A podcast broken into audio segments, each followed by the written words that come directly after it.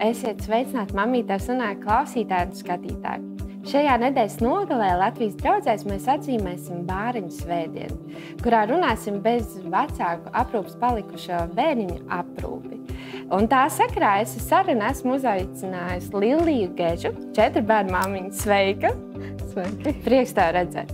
Es jau tev aizkadrā teicu, ka papētot tavu teikt, vēsturi, biogrāfiju, es esmu ļoti, ļoti pagodināta, ka tu esi šeit un vispār skatoties, ko visu tu dari. Arī tagad, esot četru bērnu mammu, un gribās tiešām teikt, tu esi vienkārši super sieviete, super mammu. Un es abrīnoju, jā, un, un, un cienu, un esi par iedvesmu. Bet tavs Instagram konta nosaukums ir Geža bandas stāsts. Varbūt tu vari bišķiņa padalīties, kāpēc tieši tāds nosaukums, kāpēc jūs esat gežu bandas stāsts? Nu jā, es jau zināju, ka kādreiz pienāks tas mirklis, kad man vajadzēja stāstīt, kāpēc mēs esam gežu banda. Man banda asociējās ar cilvēkiem, kas uh, uh, ir vienas tādas vienotās idejas uh, sanākuši kopā. Tā kā, ja, un ar tādu uh, doma, ka mēs viens par otru pastāvam. Un, tā, tā nav tāda skaista ģimenīte, kas, kas varbūt kādas man bildes, ja? ne jā, tāda. Skaistas.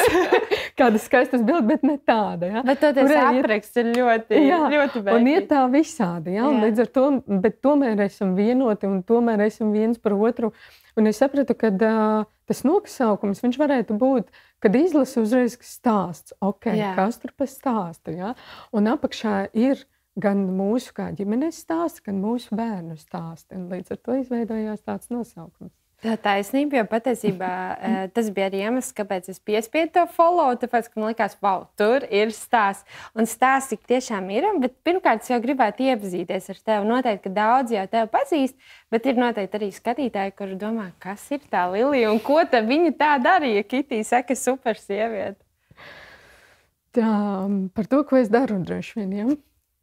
Nu jā, man, man tā pieredze profesionālā ir bijusi. Esmu strādājusi bērnamos, esmu strādājusi par um, bāriņties darbinieci, uh, atbalsta centra uh, tilts sociālā darbiniece esmu. Un, um, man tā um, profesionālā pieredze ir saistīta ar uh, bērniņiem, kas ir uh, ārpus ģimenes aprūpē ja, un kas ir palikuši bez uh, vecāku uh, gādības. Es mentorēju ģimenes, tās ģimenes, kas uzņēma bērniņus, es esmu viņiem mentors arī. Mm -hmm. Un vadu atbalsta grupas arī. Divas atbalsta grupas vecākiem, kas ir uzņēmuši bērniņus. Mēs tiekamies reizi mēnesī, un mēs pārunājam visu to, kas sakrājies par mēnesi, stiprinam viens otru, Super. kaut kādas jaunas idejas ceļam gaisā, ja, un pārunājam. Tā kā, un, kā jau zini, nesen es ieguvu arī supervizora maģistra grādu. Līdz ar to es arī nu, kaut kādu laiciņu arī iepriekš kā praksi, bet nu, jau Tagad arī, te, teiksim, kā diplomēta supervizors supervizēja arī gan augu ģimenes, gan speciālistus, kas šajā jomā strādā. Ja? Un, un, šobrīd arī ir vienā mentoru grupa, kurus es uh, supervizēju. Tie mentori atkal ir saistīti ar šo jomu. Tā kā es jūtos šeit, šajā vidē mm -hmm. ļoti, ļoti droši, un, un es jūtu šo kā aicinājumu. Tas ir mans aicinājums, kā es līdz šim nonācu. To mēs pēc tam mhm, noskaidrosim. Bet jā, tas ir tas, ko es daru. Un, protams, esmu četru bērnu mamma. Tas ir pamatā. jā, jā. Tas ir pamatā. Jā. Es domāju, ka daudzām mamām rodas uh, jautājums, reiz, nu, kā, kā tu to spēj, kā tu neizdedz, bet pie tā jautājuma tad jums jāpakaļ višķiņi. Mēs noteikti arī pieskarsimies. Bet uh, jūsu stāsts ar vadim, nu, jo viss sākās jau ar jums diviem, vai ne? Un kā jūs iepazināties, varbūt višķiņi pastāsti un, un to jūsu stāstu sākumu. Jā, iepazināmies mēs kā jauni gurķīši. Man bija 20, vīram 19. Un tas bija pirmais kurs Mm. Un, uh, es studēju, pirmā izglītība man ir uh, sociālais darbinieks. Es studēju pirmajā kursā, un uh, mēs ar draugu vienmēr brīvajā uh, nu, kad mums bija pauzīte, mēs gājām uz datoru kabinetu. Mm -hmm. Un tur mēs tur sēdējām draugiem LV, kas kādreiz Viņa man iemācīja patiesībā yeah. šo. Es nezināju, kas tas ir, un viņa man tur parādīja visu. Mēs tātad katru no dienas uz dienu mēs tur gājām un, un, un, uh, tur darījām, ka, ko mēs tur internetā darījām. Un tad vienā dienā es ienāku Un skatos, ka tur ir cilvēka grupa sēž, sēž tāds kundzītis un tāds skaists jauneklis. Un es tā atvēru tās durvis un domāju, tā, kas te tagad notiek? Es domāju, nu labi, aiztaisu durvis ciet. Un uh, draudzenei saka, tur kaut kas notiek, kaut kādas apmācības vai ko mēs mūsu telpā. Jā, mūsu telpā. Mēs visu laiku tur ejam. Un tad uh, viņi saka, izrādās, ka tur ir datora apmācības. Um, audzinātājām. Mm. Ja, viņas kundzes gados, un viņiem tā kā māca. Nu, es domāju, nu labi, forši, ka vispār tā, kaut kas tāds ir. Un tā tad pēc tam nākamajā reizē es atkal nu, droši nāku iekšā, atkal stāv tur tāds puisis, un es atveru durvis, un viņš smaida, tādu platu smaidu, un es viņam pasmaidu, un es atkal aiztaisu durvis un saku draudzenei, nu, kaut kas tur notiek visu laiku. Ja? Un tad um, mēs trešo reizi, kad nācām, mēs sarunājām ar to skaisto puisi, ka mēs drīkstam tur klusnām pie tiem mm. diviem datoriem būt. Un uh, atkal, nu, tas notiek no dienas jā, jā, jā. uz dienu. Ja? Un tad citu reizi es ienāku, kundzes ir, skaistais jauneklis nav. Un tad es viņam saku, es saku, kas tas par vīrieti jums te tāds nu, māca? Viņi smējās, viņš saka, kāds tur vīrietis? Viņš taču ir puisis. Un es domāju, kā puisis, nu, viņš izskatās kādiem 30 gadiem. Mm. Viņi saka, puisis, nu, droši vien viņām viņš ir puisis. Mm. Bet uh, viņam palika dators ar draugiem LV vaļā, jo viņš, tā, viņš tur pauzē kaut ko skatījies, un, un viņš pats bija prom. Un es skatos, 19 gadi. Es domāju, kā tāds, tāds nu, man likās. Un tā. un tas bija tas mirklis, kad mēs iepazināmies tur. Tad nākamreiz mēs jau sākam runāt viens ar otru, kaut ko jokot. Un tad bija pirmais randiņš, es atceros, šausmīgi bija satraukusi. un tā mums aizgāja jā, tā draudzība. Un uh, es uh, savukārt um, 17 gados es nokristījos, un es sapratu, to, ka esmu aicināta kalpot cilvēkiem. Mm -hmm. ja, tas bija mans wow. solījums arī Dievam, kad es kalpošu.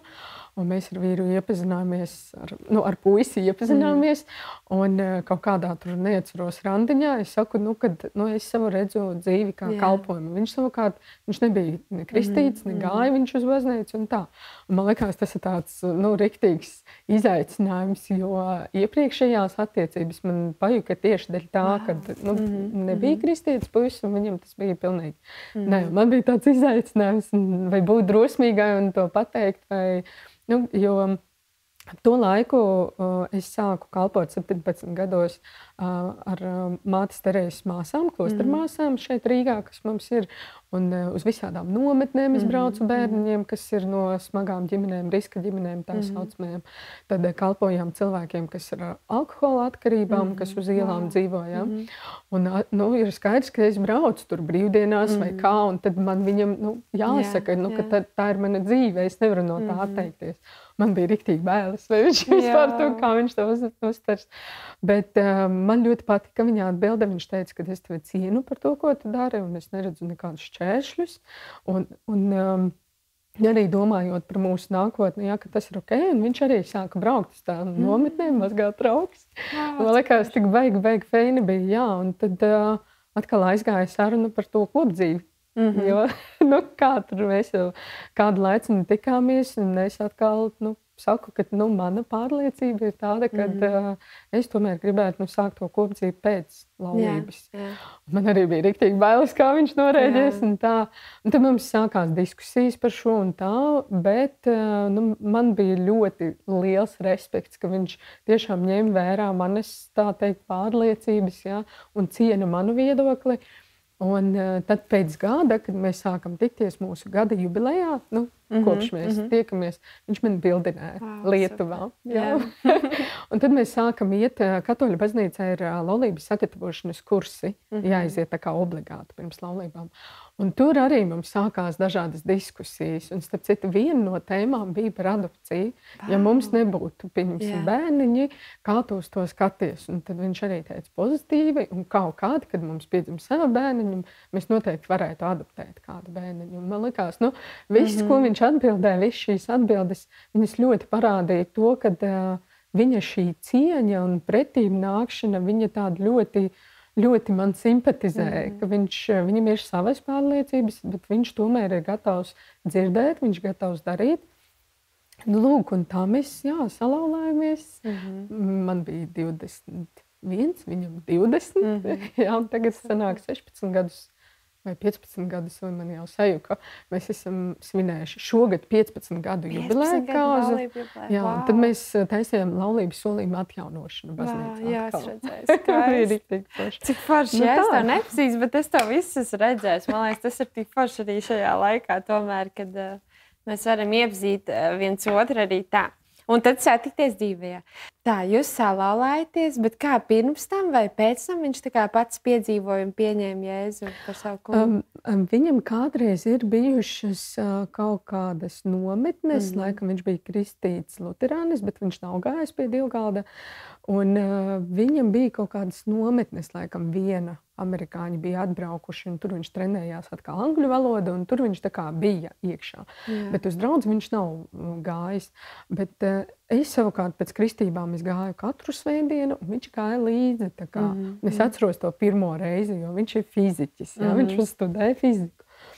Un to pirmo reizi es atceros, ka viņš aizgāja ar mani uz draugu, un pēc misijas mēs ejam kā nu jau. Yeah Izgājām ārā, un viņš saka, es nemūžu vairs tur nespēju savu kāju. Un man iekšā uzreiz tādas, nu, tā kā, nu kā, nu kāpēc? Bet tas, ko es sadzirdēju savā uh, sirdī, uh, nesaki neko. Mm -hmm. Vienkārši palaid, mm -hmm. vienkārši palaid šo situāciju. Un viss, un es saku, nu jā, es tevi saprotu, tas ir tā pārsteidzoši un tā. Un tad viņš redzēja manus kalpojumus, un viņš devās līdzi arī mm -hmm. dažos. Un, uh, Pamazām mēs salauzāmies, mēs gājām arī laulības sagatavošanas kursā. Viņš ar priesteri mm -hmm. iepazinās un turpināja mhm. komunicēt. Mm -hmm. Viņš gāja uz draugu, uz misēm. Mm -hmm. Piedalījās arī katru svētdienu, bet iekšā viņam nebija tāda sajūta, ka viņš ir iekšā. Jā. Jā, viņš, nebija, viņš negāja pie dievgalda, un tas bija diezgan ilgstoši. Un tad mēs pārvācāmies dzīvot uz Vāciju. Un Vācijā arī tā, kad es iemācījos valodu un, un sāku nu, kaut kādu pusotru gadu, laikam, divu gadu laikā iemācījos valodu, un es varēju jau, mēs gājām tāpat uz baznīcu. Kaut mm -hmm. gan mhm. pašā sākumā grūti kaut ko bija saprast. Un mēs gājām uz misēm, tad mēs iepazināmies ar priesteri, un, un, un tā draudzība tā sākās ar, ar visu draugu. Ja? Tad mēs, es biju aicināta kalpot tur baznīcā, sagatavot baznīcu, sagatavot mm -hmm. visu misiju. Tas mm -hmm. bija mhm. ļoti, ļoti liels pagodinājums mums, kā jā. ārzemniekiem. Jā. un bija, un uh, vīrs arī sāka diskusijas ar mūsu priesteri. Priesterim arī doktora grāds bija teoloģija. Viņš ļoti tāds mm -hmm. ar mhm. prātu. Un tur viņš, jā, tieši Vācijā, viņš var teikt, tāda griezās. Jā, viņš jā, jā. pēc šīm visām diskusijām ar priesteri, kas, kas arī ar tādu sakārtotu prātu, caur loģiku, caur visām sarunām, jā, viņš, viņš ir atgriezies, viņš bija iesvētīts, viņš varēja iet uh, pie komunijas un, mm -hmm. un sākt mhm. tādu jau praktisku, var teikt, kristiešu dzīvi. Mm -hmm. nu, mhm. tā ir viņa mhm. atgriešanās, mm -hmm. ja tieši Vācijā. Skaidrs. Nē, bet man ļoti patīk, ka tev bija tie savi principi arī sākumā, par kuriem tu teici. Es zinu, ka klausās arī daudz jaunas meitenes, kuras uh, grib doties laulībā un kuras tagad ir tas, ka tev liekas bāts. Bet, nu, varbūt es nepateikšu, ja varbūt tas nav. Bet bet saki, un, un jā. Labi, bet tagad mēs sākam iet uz to tēmu. Jūs apprecēties, un eh, kaut kad arī piedzimst tā vēlme pēc bērniņa, vai ne? Un, jo, jo par to abdiciju jūs jau vēlāk sākāt domāt, vai ne? Sākumā jūs gribējāt paši savus bērniņus. Jā, es par iepriekšējo jautājumu piebildīšu to, ka uh, pēc kāzām man vīrs par šo pateicās. Viņš teica, Jā. paldies par šo ideju. Mm -hmm. Un tas man bija rīktīgi līdz asarām. Man mm -hmm. nu, ka tas ir tikai nu, tāda mana iniciatīva. Mm -hmm. Bet tad, kad mhm. viņš pateica paldies par šo, nu, tā gaidīšana Jā. bija tā vērta. Wow, tas bija, sādien. es viņam varu teikt, paldies, ka tu mhm. pateici, mm -hmm. paldies. Jā. Nu, lūk, un tā mēs uh, sākam dzīvot kā nabaga studenti. Mm -hmm. Mēs nevarējām atļauties pat uh, īrēt dzīvokli, mēs īrējām istabiņu mm -hmm. pie vienas draudzenes mūsu. Tā mēs attīstījāmies kopā, augām, var teikt. Super. Jā, un, jā, bija pienācis brīdis, kad mēs sākam aizdomāties par bērniņiem. Un, Nu, jā, tad attiecīgi bija šie mēģinājumi tikt pie bērniņa, bet nu, tie nerezultējās. Un, lasot visādu informāciju, internetā bija skaidrs, ka nu, jā, tā var būt. Varbūt gads var paiet, varbūt mm. divi paiet. Un, jā, protams, aizgāja arī pie, pie ārsta, bet ārsts arī teica, ginekoloģis teica, viss kārtībā, tu esi jauna mm. sieviete, viss būs kārtībā. Nu, lūk, tā mēs. Um, dzīvojām, un nekas nerezultējās, neko. Mm -hmm. Tad es atkal gāju pie ārstes, un tad ir atradušas kaut kādas lietas, kas nav ok. Es, es esmu uztaisījis operāciju, un it kā tad vajadzētu visam būt ok, mhm. bet arī nekāda rezultāta nebija. Un, nu jā, un tad sākās mūsu tāds, var teikt, sēru laiks un ļoti grūts laiks, tāpēc ka šī neauglība tā ir ļoti mhm. sensitīva mm. tēma. Un, uh, mēs ar man, manu kolēģi Dacītu Reinci arī par šo esam Instagramā jā, runājušas. Un ļoti daudz sievietes atsaucās, tik daudz sievietes rakstīja savus stāstus, vēstules, rakstīja. Tas bija ļoti aizkustinoši. Un tas grūtākais ir cilvēku, nu, cilvēku attieksme mm. pret to un kā tu izdzīvo šīs sēras, šīs sāpes par visu, un kā citi reaģē. Nu, beidz, nu, tu esi jauna sieviete, vai pieņemsim no stresa, es atkal daudz ēdu. Mm -hmm. ja, un tad mm -hmm. es mhm. sāku tur atkal to daudz ēst, un es pieņemu svarā, un tad nāk apsveikt, vai es tevi apsveicu. un tas iekšēji iedomājas, ka tu, mhm. jau dzīvo tajā stresā, pārdzīvojumā, un tev cilvēki nāk ar apsveikumu par to, ko tu gadījumi gaidi. Nu, jā, un tad, um, pienāca tas dzīves posms, kad uh, vīram bija aicinājums rakstīt savu, uh, viņa doktora disertāciju Vācijā. Mēs pārvācāmies tur dzīvot, un tur mēs arī gājām pie dažādiem ārstiem, cita valsts, nu, tāda mm. lielāka, mm. krietni attīstītāka, un mēs tur mēģinājām arī. Un tur, protams, ka mēs saskaramies ar šo um, mākslīgo apaugļošanu. Mēs pētījām šo jautājumu, skatījāmies, ko baznīca saka, un gājām pie ārstiem vispār par, par veselības stāvokli. Tur mums arī viss, kas bija piedāvāts. Un, Un tur šo tēmu mēs izpētījām ļoti dziļi. -hmm. Šobrīd patiesībā ir mammas, kas raksta, uh, nu, par šo mēs arī diskutējam. Tā ir tāda atsevišķa jā, tēma, var teikt. Jā. Nu, lūk, un uh, mums tas atkal, nu, kā kristiešiem, ir kā ir, ja, un ārsti mēģina pierunāt, un tā, un pienāca viens brīdis, jo es esmu ļoti neatlaidīga. Mm -hmm. un, un es varu apgalvot, ka esmu ļoti labās attiecībās ar Dievu. Ja? Es viņus kopju cītīgi un jūtu viņa mīlestību un klātbūtni. Un, un es uzdevu Dievam jautājumu, nu, kas tas ir ja, mm -hmm. par lietu. Mm -hmm. nu, es cīnos, es ticu brīnumam, un es lūdzu. Un, un mēs gājām uz dziedināšanām, kur priesteri aizlūdza un mm lika, uzlika rokas ja, par šo dzimtes dziedināšanu, par visu nu, tā spēcīgi. Ja un nekas nenotiek. Un es Dievam uzdodu šo jautājumu, vai es kaut ko daru nepareizi, vai nezinu, tas kaut kāds grēks ir, ko es neapzinos. Un tā ir pilnīgi aplama domāšana, ja, ka mēs sevi mm -hmm. vainojam un mēģinam Nu, lūk, un, un pēc visiem tiem ārstu apmeklējumiem un visiem tiem nu, metodēm, un kas tur tik nav bijis, un visādas uh, arī debiskās plānošanas metodas Latvijā mums arī ir jā. tādas, jā, viss, viss bija iziet. Un tā noteikti ik pa laikam kāds atnāk un pasaka, pamēģini šito, pamēģini šito, jā, wow. Jā, es arī īstenībā klausījos, klausījos to jūsu sarunu ar, ar Renci Dācijā. Ļoti jā, labi saruna. Jā. jā. Nu, lūk, un tas ir tas sāpīgākais, jā, ka no malas tev mm -hmm. visu laiku arī baksta visi, jā, var mm -hmm. teikt. Un ir tāda, nu, man liekas, cilvēks, kuram nav bērnu, nu vai tad kāds no ārpuses gribēs tos bērnus vairāk? Mm -hmm. nu, kā tu vari mm -hmm. nākt un teikt, jā. pamēģini to ģimenei, jo viņa pati dara jā. ģimene visu, lai tiktu, jā, un tu, tu tur ar savām metodēm. Nu, lūk. Mm -hmm. Un tad vienā brīdī es tieši atceros, ļoti labi atceros to brīdi, kad es biju tieši baznīcā. Mēs gatavojām misiju baznīcu, jā, visas tās telpas. Un tad es saņēmu jā, šo atbildi, ka nē, ka tev nebūs bērni. Jā, tā bija tāda skaidra atbilde. Un ar to brīdi sākās manas īstās sēras. Es varēju satikties ar visiem, eh, tieši iziet visu sēru procesus. Man tieši tā grāmata palīdzēja, ko mēs ar Dacīti tur runājām. Jā kad bija šī kaulēšanās, bija mm -hmm. šī mhm. nepieņemšana, bija dusmas, jā, un tas viss process bija ļoti garš un smags. Un es atceros, ka pat bija mirkli, kad mēs braucām ciemos uz Latviju, un māsai tieši bija piedzimusi meitiņa, un man bija pilnīgi pretestība. Es negribēju ņemt to zīdainīt rokās, mm man bija pilnīgs tāds, nu viss, esmu nu, pārāk, man tas viss smags bija un tā. Bet izsērojot šīs sāpes, izējot šim sērus procesam cauri, viņam jāiziet cauri. Ja viņš nav iziets, šī sajūta viņam vienmēr iekšā tev būs. Viņa tev visu laiku vilks uz leju. Ir jāiziet šīm sērām cauri. Un tā kā mēs gājām šīm sērām cauri, jāatcerās, ka katrs laulātais iet ar savu ātrumu. Mm -hmm. Nav tā, ka vieni eh, nu, vienlīdzīgajiem. Ja? Un tad es biju nonākusi līdz tam, kad um, Es atcerējos uzreiz šo stāstu, Abrahama stāstu, ja, kad vienīgo dēlu. Mm. Ja, man liekas, Dievs, tu zini, es strādāju no, ar bērniem iepriekš. Es visus māsu brāļus, eh, bērnus esmu izauklējis. Nu, bērni bija man kaut kas mm. neatņemamā dzīves daļa. Un kāpēc tad man paņemt tieši to, kas man ir vissvarīgāks? Ja?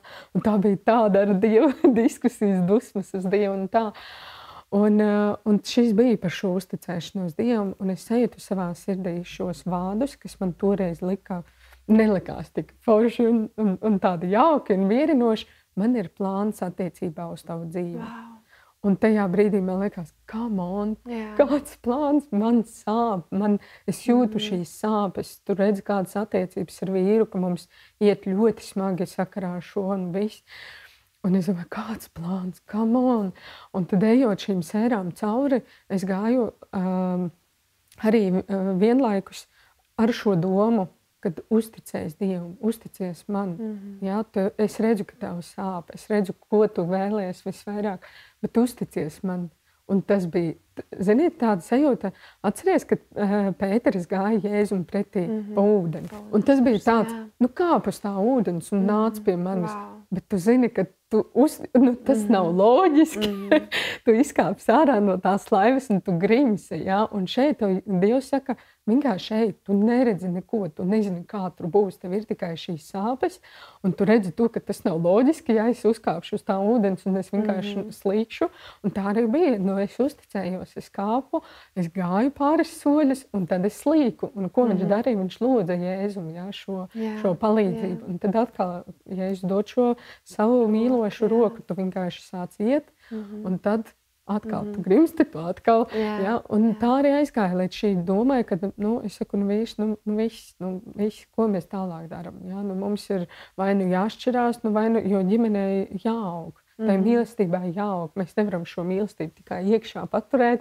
Un Dieva šī mīlestība, ko viņš ir paredzējis pasaulē, viņa aug, viņa nes šo mm. gaismu, ja, šo, viņa izplatās. Un mums arī tā mīlestības bija tik daudz, ka mēs gribējām tālāk viņu izplatīt. Ja. Mm. Un, jā, un tad mēs ierunājāmies par šo adopciju. Es biju pirmā, jā, kas to ieminējās, un viņš teica, nē, nē, nē, nē, nē. vēl darām, vēl cīnāmies, vēl mēģinām. Un tā, un, un, nu, tie soļi gāja pamazām. Ja? Tad mēs atkal ierunājāmies, atkal, un tad bija tāds, ka nu, vai nu mēs adaptējam, vai nu, nu viss. Nu, es ne, nu, neesmu arī vairāk gatava gaidīt uz kaut ko, nezinu ko. Uh, Un, nu jā, un tad, tad mēs nonācām līdz tādam strupceļam, kad nekas viss, nu, tad, tad vienkārši jāšķirās. Un tad es sapratu to, ka es vīram teicu, tu zini, tomēr viena svarīgā nianse ir, es gribu šo bērnu audzināt ar tevi, mm. nevis viena. Nu, mēs mm. izšķirsimies, nu, adoptēšu es bērnu. Un mans pašmērķis nav bērns, man, mans mērķis ir, uh, ģimene ar bērnu, un es gribu šo bērnu audzināt ar tevi. Mm -hmm. ja? Es negribu viņu aizstāt, mm -hmm. tevi aizstāt ar bērnu. Jā, tu man esi svarīgs, un es gribu šo bērnu audzināt ar tevi. Un tas bija pagrieziena punkts, mm. kad viņš saprata, ka šis bērns nav apdraudējums nekam. Jā, un ka viņš arī grib šo bērnu audzināt ar mani. Un tā arī aizgāja. Mēs uzrakstījām iesniegumu Latvijā, dzīvodami vēl Vācijā. Un, uh, tas process ir ilgstošs, jā, mums pētīja viss, uh, vis, vis, visas šie šie, pārbaudījumi bija un tā um, no bērnu tiesas puses, kas arī ir saprotamas un ir mm. normālas un kārtīgas. Un, uh, jā, un tad, tad uh, mēs uh, gaidījām tajā ļoti ilgi, ja mēs rakstījām uz mazu bērniņu līdz trīs gadiņiem. Un tā ir, kad uz šiem mazajiem bērniņiem ir ļoti, ļoti ilgi jāgaida, jo nu, tur vesels process neiedziļināšos šobrīd, bet mm -hmm. ļoti ilgi. Mm -hmm. Un tad pienāca brīdis, jā, kad vīrs uzrakstīja doktora disertāciju. Mums bija jāizlemj, vai mēs paliekam Vācijā un dzīvojam tur, turpinam dzīvot, vai mēs tomēr atgriežamies Latvijā. Un, um, nu, jā, tas bija ļoti smags lēmums, jo mums atalgojumi bija perfekti. Mm. Mēs varējām ceļot, kur mēs gribam, kā mēs gribam. un ļoti daudz valstis mēs arī apceļojām, dzīvojam tur. Un tu jūties nu, tik komfortabli, mm tik perfekti, ja, un tik pa, plaša pasaule tev ir. Un es atceros, ka es atgriezos, mēs pieņēmām lēmumu, jā, kad, kad mēs kalposim tomēr savai valstī ar visām tām zināšanām, ko mēs ieguvām. Tas nebija viegli, man bija uzreiz, jā. nu, uzreiz es nonācu slimnīcām ar visām alerģijām, jo ķermenim tu atkal maini to kultūru, -hmm. pilnīgi neierasti. Un es atceros to pirmo, es tikko mēs bijām atbraukuši, es aizbraucu uz Rīgu, un es nezināju, ka ir etaloni. Jā, es nezināju, jā. ka viņi funkcionē un kas tad, mm tas vispār ir. Un, tas, un es ienāku tā, ar to etalonu, un es nezinu, kas ar viņu jādara. Es tikai zinu, ka viņi ir jānopērk. Jā. Un es ienāku, es saku, un, un stāvu tā kā skatos, un tas šoferis Ko tu te brīnies? Izrauj man no rokas to etalonu, pieliek, atdod man pakaļ, un es ieju iekšā un sāku raudāt. Jo šī atšķirība, nu, var, jā, jā, tas bija tik sāpīgi. Un viss saka, nu jā, tur mākslīgi smaidā ārzemēs, bet tā ir pieklājīgas mm. uzvedība. Tā ir normāla pieklājīga uzvedība. Labāk, lai man, mm. kā saka, mākslīgi smaida, nekā mm. atklāti rupji pret mani, ja? patiesi rupji. Nu, es izvēlos to otru variantu. Nu, lūk, un, um, mēs pārvācamies uh, decembrī.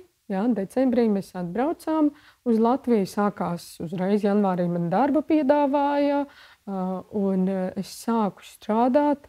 Nostrādāju trīs nedēļas, laikam, vai divas nedēļas. Mm. Un, un skatos, zvana man mājās tāds nepazīstams numurs. Es tagad mm -hmm. paceļu un saku, šeit jūs uh, traucē no ministrijas. Un, uh, mēs gribējām pateikt, ka mēs atradām jums puisīti. Wow. Un man, es atceros, ka man tā kā tagad šermuļu pārskrēja stāv. Kā puisīti, kā atradāt? Kur? Saku, nu, kad ir pienākusi jūsu rinda. Uh, Mm -hmm. Un, uh, mēs jums nosūtīsim to aprakstu par bērnu. Mēs lūdzam jūs uzreiz iepazīties. Un, ja jums ir interese ar šo bērnu tikties, tad lūdzu pēc iespējas ātrāk dot ziņu. Un tā, un tad es e-pastā saņemu šo aprakstu ar bildīti un lasu. Un, jā, tur ir bijuši dažādi veselības traucējumi, un bijusi arī tāda diagnoze, kas mums nu, tā Mm, mm -hmm. Lika daudz ko pārdomāt, bet uh, manā māsā ir arī psiholoģija. Mm -hmm. Es uzreiz sazinājos mm -hmm. ar mhm. speciālistiem par šo diagnozi. Viņa teica, nu jā, grūtības būs, bet jādara to, to, to un to.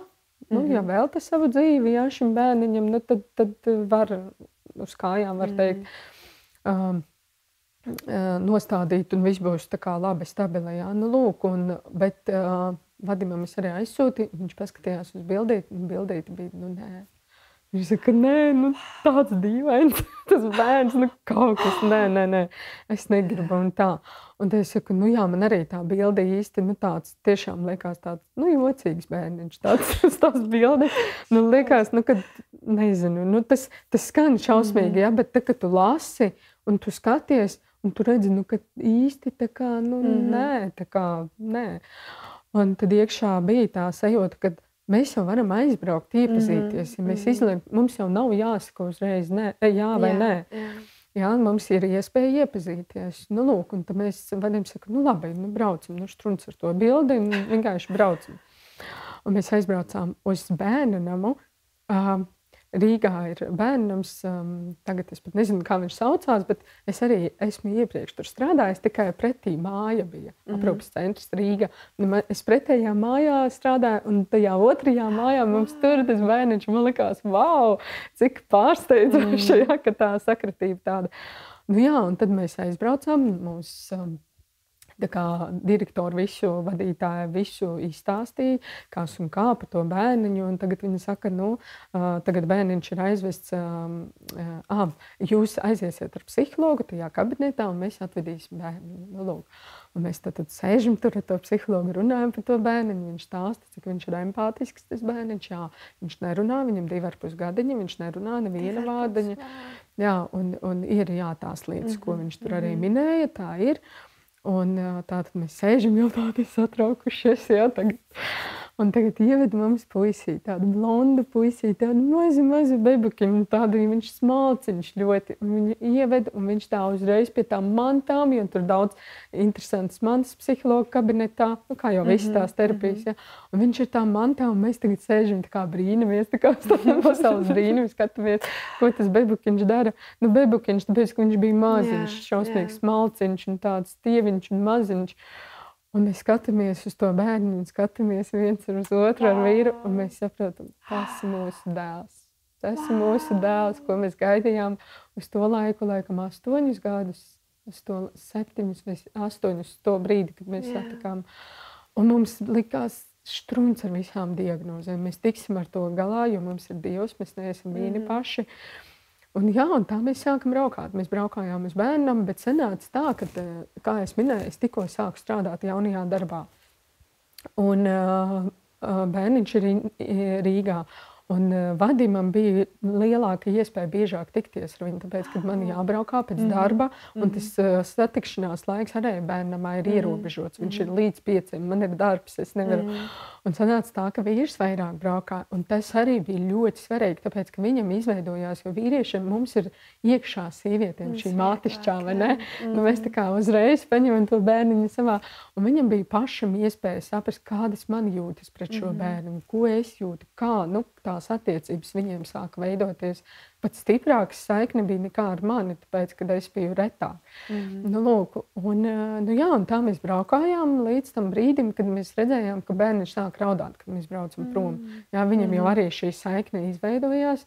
Mēs tur visādas video ar viņu taisījām, un viņš bija ļoti zinātnāks. Viņam mm -hmm. viss bija tāds brīnums, jo viņš jau nekur nav bijis tā ārpus bērnam, man tikai slimnīcās un atpakaļ no ārpus, cik nu, tur staigā. Nu, lūk, un, jā, un tad pienāca diena, kad mēs visi debītus atvedām un mm. braucām uz māju. Mēs jau, man nebija tā zināšanas, kas man tagad ir. Un mēs kā zaļie vecāki, kas nezināja par traumu neko, mēs izdomājām, nu kā mēs vakariņām kaut kas jānopērk veikalā.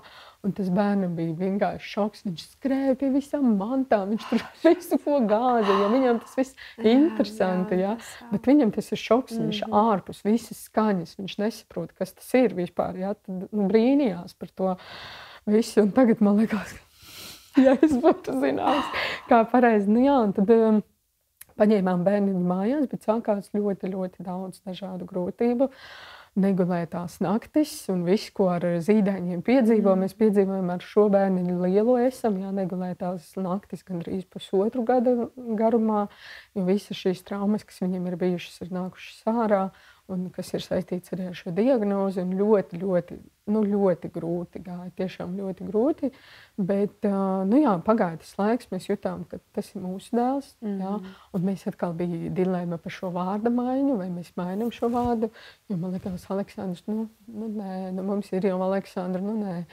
Un, uh, mēs vienmēr zinājām ar vīru, ka mēs gribam nosaukt savu dēlu, savu pirmdzimto dēlu. Mēs jau mm -hmm. nu, visus šos gadus cerējām, jā, jā. Jā. ka mēs nosauksim par Lūkas mūsu pirmdzimto mm -hmm. dēlu. Un, um, un tad mēs sapratām, ka Reko Aleksandram varbūt mēs liekam to vārdu, jo mm -hmm. viņš ir mūsu pirmdzimtais jā. dēls. Jā, tas bija tāds ļoti svarīgs. Un tad mēs sapratām, ka, ka tomēr atsakoties no viņa vārda, mēs kaut kādā ziņā atsakāmies no viņa identitātes. Mm -hmm. Dievs ir viņam devis šo vārdu. Tas mm -hmm. ir viņa vārds. Mm -hmm. Un tāpēc mēs vienkārši kristību brīdī mēs pielikām klāt šo lūkas. Mm -hmm. Jā, un tā mēs dzīvojam. Laimīgi, mm -hmm. laimīgi dzīvojam. Un šodien jums jau ir četri tādi bērni. Jā, pēc, pēc kaut kāda laiciņa jā, mēs sapratām, ka mums iet labi. Mēs mm -hmm. šīs te, uh, zināšanas ieguvām par uh, ketba apmācības, kas um, kas nozīmē kompetenci emocionāli traumēta bērna aprūpētājs. Mm -hmm. Mēs bijām vienkārši ļoti bērnam pateicīgi, tieši vēsma eh, Zandberga mm -hmm. lasīja šīs apmācības, jo mēs sapratām, kas par lietu, kāpēc Jā. viņam tas viss ir, ko mums darīt ar šo mm -hmm. visu. Un tad sākās šīs uzlabojumi, tādi ļoti ievērojami. Nu jā, un tad mēs jutāmies jau droši, mm -hmm. un uh, Aleksandram jau bija pieci gadi. Jā, un tad mēs sapratām, nu, mēs vienmēr gribējām daudz bērnu. Nu, mēs Jā. gribējām četrus, trīs, četrus bērnus. Nu, tā mēs vienmēr bijām mm -hmm. domājuši. Un tad mēs sapratām, ka okay, nu, tad, tad ejam vēlreiz šo soli. Jā, un tad mēs rakstījām vēlreiz iesniegumu.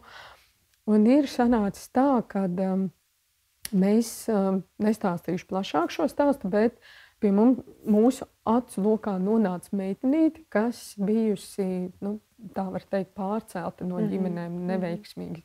No bioloģiskās uz krīzes centru pie auga ģimenes, neveiksmīga adopcija, atpakaļ pie auga ģimenes. Un tad mēs sapratām, jā, ka šai meitenītei nu, atkal būs jāiet sistēmā, mm -hmm. jā, un atkal viss būs tālāk, mm. jo viņai jau ir šīs traumas, jā, no visa šī un uzticēties cilvēkiem.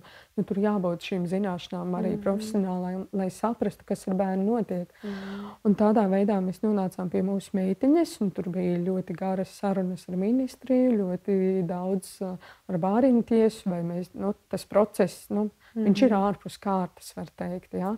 Bet Dievs ir svētījis šo visu procesu, ļoti veiksmīgi sakārtojās. Tā mēs uzņēmām meitiņu ģimenē. Jā, tad mēs jau bijām. Tā man bija divi, jo dēliņš mm -hmm. septembrī un meitiņa novembrī mm. piedzima. Viņiem abiem bija pieci. Mm -hmm. Jā, un mēs jau bijām gatavi lielāku vecumu bērniņu paņemt. Jā, nu jau pēc visām šīm zināšanām. Nu jā, gāja laiks. Mm -hmm. mēs sapratām, ka nu, divi arī nu, ar, ar meitiņu arī gāja ļoti smagi. Mm -hmm. Tiešām ļoti, ļoti smagi. Un es teikšu, godīgi, ka uh, bija brīdis, kad es. Uh, Kad es, man nekad nebija doma atteikties no jā, bērna, jā. bet bija brīdis, pienācis, kad es sapratu, kāpēc atsakās no mm. bērniem.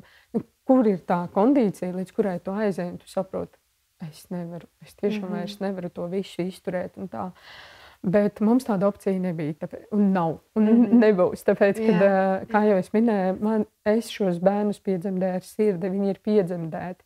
Es nevaru viņus aizvest atpakaļ mm -hmm. uz dzemdību namu un teikt, jā, ka viss. Jā. Nu, lūk, un, un, un Dievs ir svētījis ar to, ka Viņš ir devis šo mīlestību pret meitiņu. Ir dāvinājis, mēs meklējām, mēs lūdzām, mēs lūdzām, lai tā saikne nostiprinās. Un viņš ir svētījis ar šo mīlestību. Un es tagad teikšu, ka nu, nekad nedrīkst padoties. Nekad, mm -hmm. lai kādā izmisumā mēs esam ar šiem bērniem, jo tas ir apliecinājums. Mans dzīves piemērs ir apliecinājums. Jā. Kādā ta, toreiz es biju stāvoklī, man likās, tas nekad nemainīsies. Tas ir tik nenormāli smagi dzīvot ar bērnu, kuru tu nemīli.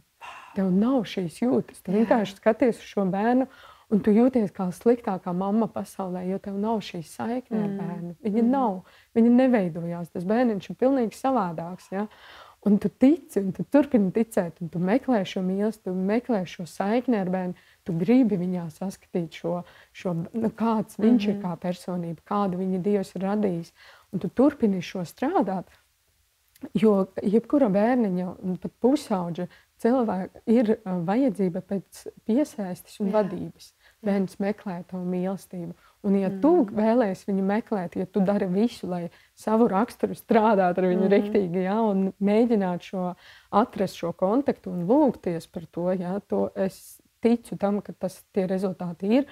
Man viņi ir. Viņi man tagad ir mans dārgums. Mana mīļā meitiņa, un es atceros to laiku, man liekas, nu, Nu, tas ir tas, ir tas mm. dzīvais piemērs. Ja? Un izējot ar viņu šai ellai cauri arī uh, es sapratu, ka okay, nu mēs, varam, mēs varam vēl kādam bērnam dot. Un vīrs arī tieši tāpat vīram arī bija ļoti smagi. Ja? Mm. Un šobrīd arī nu, viņš nu, bučo un mīļo un uz rokām nesa. Viņa ir mūsu dārgums, viņš ir arī mūsu dēliņš. Ja? Un, un likās, ka nu, okay, nu, mēs esam gatavi, nu, mēs gribējām četrus bērnus.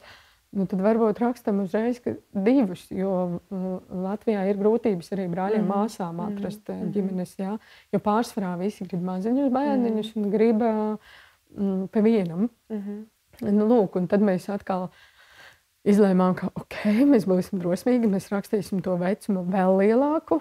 Jā, jo pirmais bērns mums tikai līdz trīs gadiem maziņos, nemūžam lielu. Ne, jā. jo bērns nāk ar savu traumu, ar savu pieredzi, jo lielāks viņš aug, jo lielāku mm -hmm. traumu viņš nes mm -hmm. jā, arī.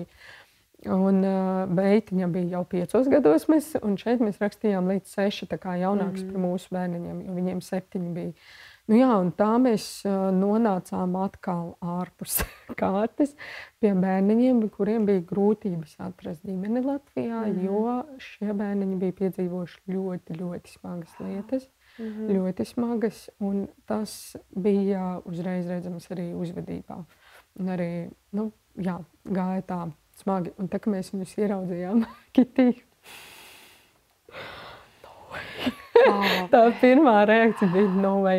Un es atceros, kad es šai sievietei, kas kā, par šiem bērniem mums minēja, es jau klausies, bet vai mēs sarunājam tā, ka ja neviens cits, ja neviens cits, tad jā. Jā. Bet tā, nē, mums jau bija, mēs izgājām jau LA cauri, mums jau izveidojās tāda stabila uh, funkcionējuši mīlestības, miera pilna ģimene. Mēs jau stabilizējām Jā. šo. Un man bija vēl maģistra darba, es rakstīju, ja tur bija viss pa daudz, man likās, nu nē. Tad es atceros bērntiesas zvanu. Tagad man emocijas nāk, jā. Un uh, bērntiesa saka, jā, jūs nepaņemsiet, nu, nu, viņam nav iespēja vispār. Nav iespēja, tāpēc, ka jums ir šīs profesionālās zināšanas, mm. jums ir personīgā pieredze, Ja, nu, nu nav, nu mēs meklējam, mēs, mēs zinām, un ir arī jau bijusi saskarsme vienai ģimenei. Nu, arī teica, ka nu, mm. nu, nē. Un es, es ļoti ar vīrusu nu, tā cītīgi lūdzamies par šo jautājumu, tāpēc, kad mēs sapratām, cik nenormāli daudz tas prasīs mm. resursu. Tas, tas vairs nav rožains sapnis par smuku ģimeni. Tu redzi to, cik ļoti tas ietekmēs ģimeni cik mm -hmm. ļoti tas ietekmēs komfortu, mm -hmm. cik ļoti tas prasīs no tevis darba. Jā? Mm -hmm. un, um, nu, tas bija ļoti uz robežas. Un es atceros, ka es konsultējos arī ar, savām, ar saviem speciālistiem, ar, ar uh, ģimenes locekļiem un uh, uzticības personām. Nu, man bija ļoti daudz jautājumu, vai jums to vajag, vai jums to vajag. Nu, jūs saprotat, nu, ko tas nozīmēs. Bet satiekoties ar tiem bērniem, katra tikšanās reize bija vienkārši. Nu, tu, tur viss tā uzvedība, viss tu saproti vienkārši saviem brīžiem. Šausmas, kas notiek, nu, tad tā visa kliēkšana, bļaušana, kaušanās, nu, viss, viss ir pilnīgi tāds. Un tu saproti, ka fobijas no visa bailes, kliēkšana, un tu saproti, ka tas ir vienkārši. Nu, jā, un tad mēs ilgi lūdzamies, mēs ilgi mhm. domājām, mēs ilgi braukājām. Mums tiešām diezgan ilgstoši tās tikšanās bija, kamēr jā, nu, visi juridiski jautājumi tur izcinājās paralēli. Un mēs sapratām, ka tikai ar Dieva palīdzību mēs lūdzām arī Dievu. Tu redzi mūsu ģimeni, tu redzi visu ja nav tava griba, un ja jā, tu redzi, ka mēs jā. netiksim galā, nu kaut kādā posmā apstādina mm -hmm. šo procesu. Mm -hmm. Un mēs uzticamies Dievam, mēs zinām, ka Viņš neliek jā. mums nedot pārbaudījumus, kurus mēs nevaram izturēt. Mm -hmm. nu, viņš nedos to, un mēs lūdzām un tiešām prasījām, nu, ja ir, nu, lūdzu kaut kādā mm -hmm. posmā, bet nē, viss kārtojās, viss kārtojās tā diezgan tādā foršā veidā, nu, visi Jā. juridiski un tādi mm. formāli jautājumi ļoti forši. Jā, emocionāli bija. Jā, bet uh, juridiski viss ļoti, ļoti mierīgi. Mums nebija dzīvoklis. Mums bija dzīvoklis mm. mūsu. Mm. Uh, mums nebija nu, tāda plata uh, vieta, kur, kā, nu, kur mums jā, sešiem būtu. Mums bija trīs istaba dzīvoklis, bet, jā, wow. bet uh, viena guļamistaba mm. mūsu, viena bērnu un lielā tāda studija mm. kopā ar virtuvi. Un skaidrs, ka četriem bērniem nu, mm. tur ir pa šauru. Un, uh, mēs meklējām jau gadu mājokli, mm. un mēs nevarējām atrast. Un mēs sapratām, ka uh, nu, kā. Mm. Un vīrs arī saka, ka nu, kamēr mēs neatrodam, mēs nevaram viņus uzņemt. Nu, jo tas būs trakonams. Jā. Tas būs trakonams ar visu to uzvedību un visu. Un, Jā. un bērniem jau vieniem pie otriem jāpierod un maza mm. telpa un tā. Mm. Bet nu, nevarējām atrast. Un, un bija jau brīži, kad likās, ka oh, viena māja atrast, un tā, un atkal viss nekāja no rokām bija izkritis. Tas, tas vienkārši mm. pārdeva ātrāk mm. nekā mm. mums bija solījuši. Un, tā. un bija tāds, nu, nu, juridiski viss mums viņus tagad jāņem jau, jā, mm. jo tur viss jau atrisinājās, viss, bet mājokļa mums nav. Un arī tas tā kā, nu, vai tu uzticies Dievam, un, un tu ņem, vai tu vienkārši kaut kā Un, jā, un mēs atradām vienu dzīvokli, kas ir milzīgs, wow. kā māja. Jā. Bet mums teica par to dzīvokli, es zvanīju tam mājas īpašniekam, ko es zinu, un, mm. un es viņam saku, klausies, tas dzīvoklis, nu, kas tur ir ar viņu. Viņš saka, tu zini, viņi pērk tagad. Viņi pērk, tu vari tiem īpašniekiem varbūt piezvanīt, bet es zinu, ka viņi pērk un nekā.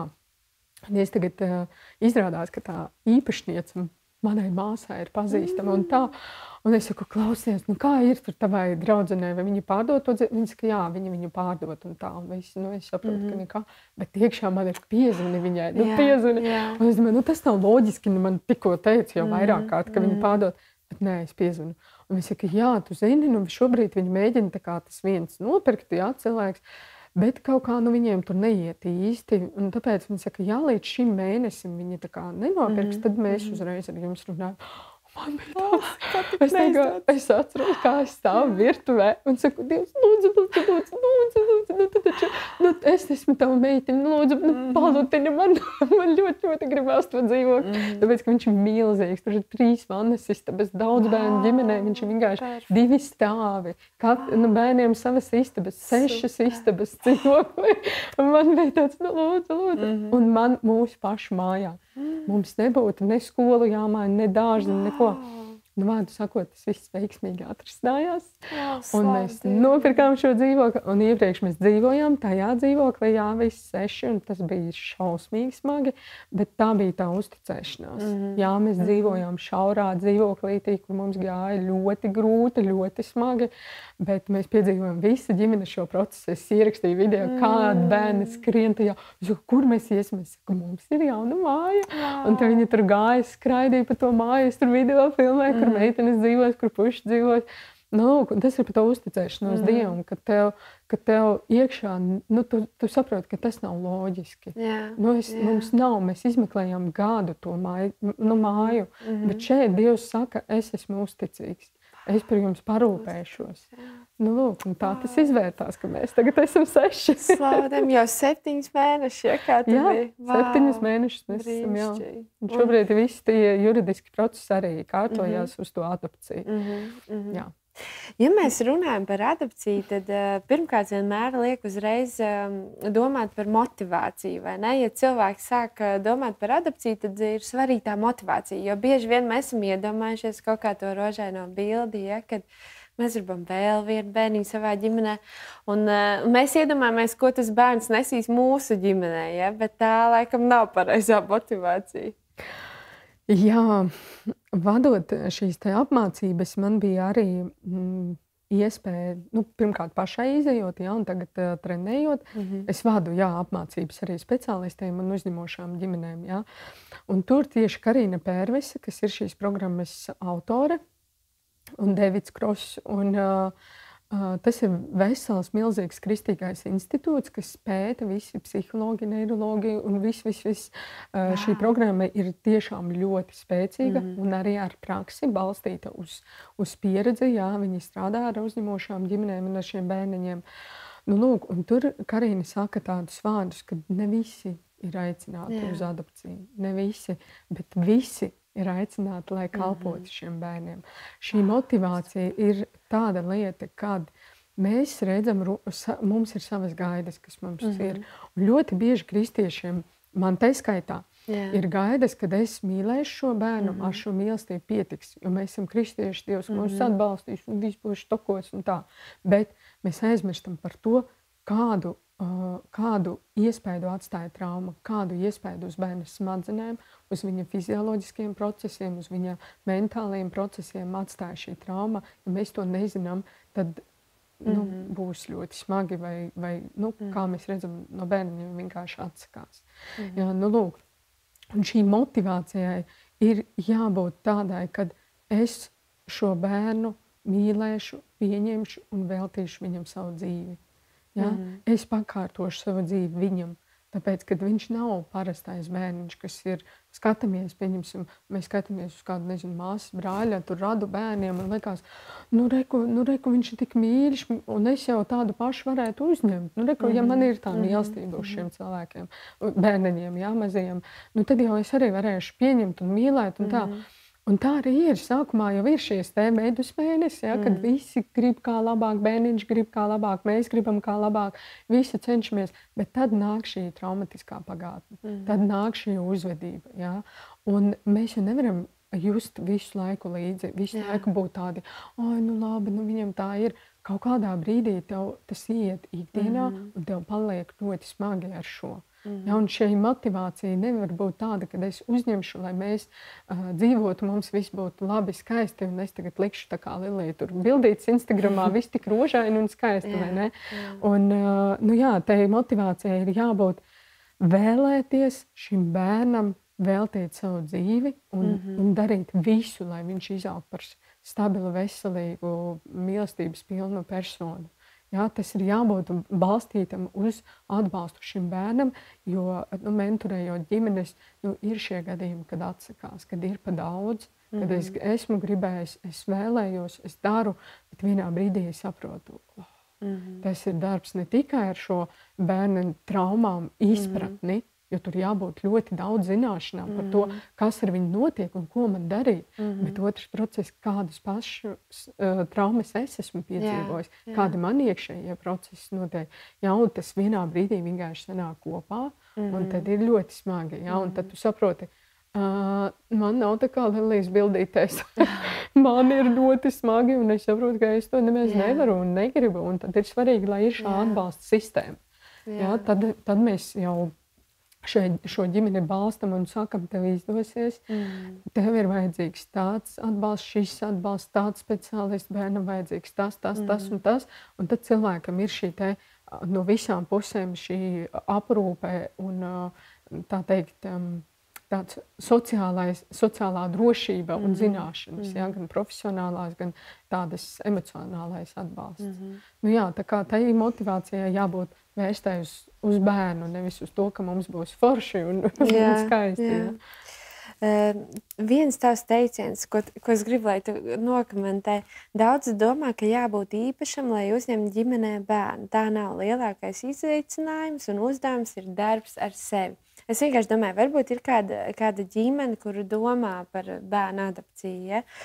Kā tu komentētu šos vārdus, īpaši tagad, kad tu, tev jau ir tā pieredze, kā tu skatītos tagad, ja tu ņemtu bērniņu pirmo reizi, kas mainītos? Es vēl joprojām uzskatu, jā, ka mēs neesam arī ne ar ko īpaši. Es mm. ļoti daudz dzirdu šos vārdus, kad jūs esat varoņi, jūs esat. Bet šeit runa iet par apziņotību. Es, es apzināti izvēlos strādāt ar sevi. Mm -hmm. Es apzinos to, kas notiek ar bērnu, kāpēc mm -hmm. mēs mācām par traumu. Mēs apzināmies, kas ar viņu notiek. Mm -hmm. Mēs saprotam, kā mazināt šo visu. Mēs saprotam, kā veidot mm -hmm. šo emocionālo saikni ar bērnu.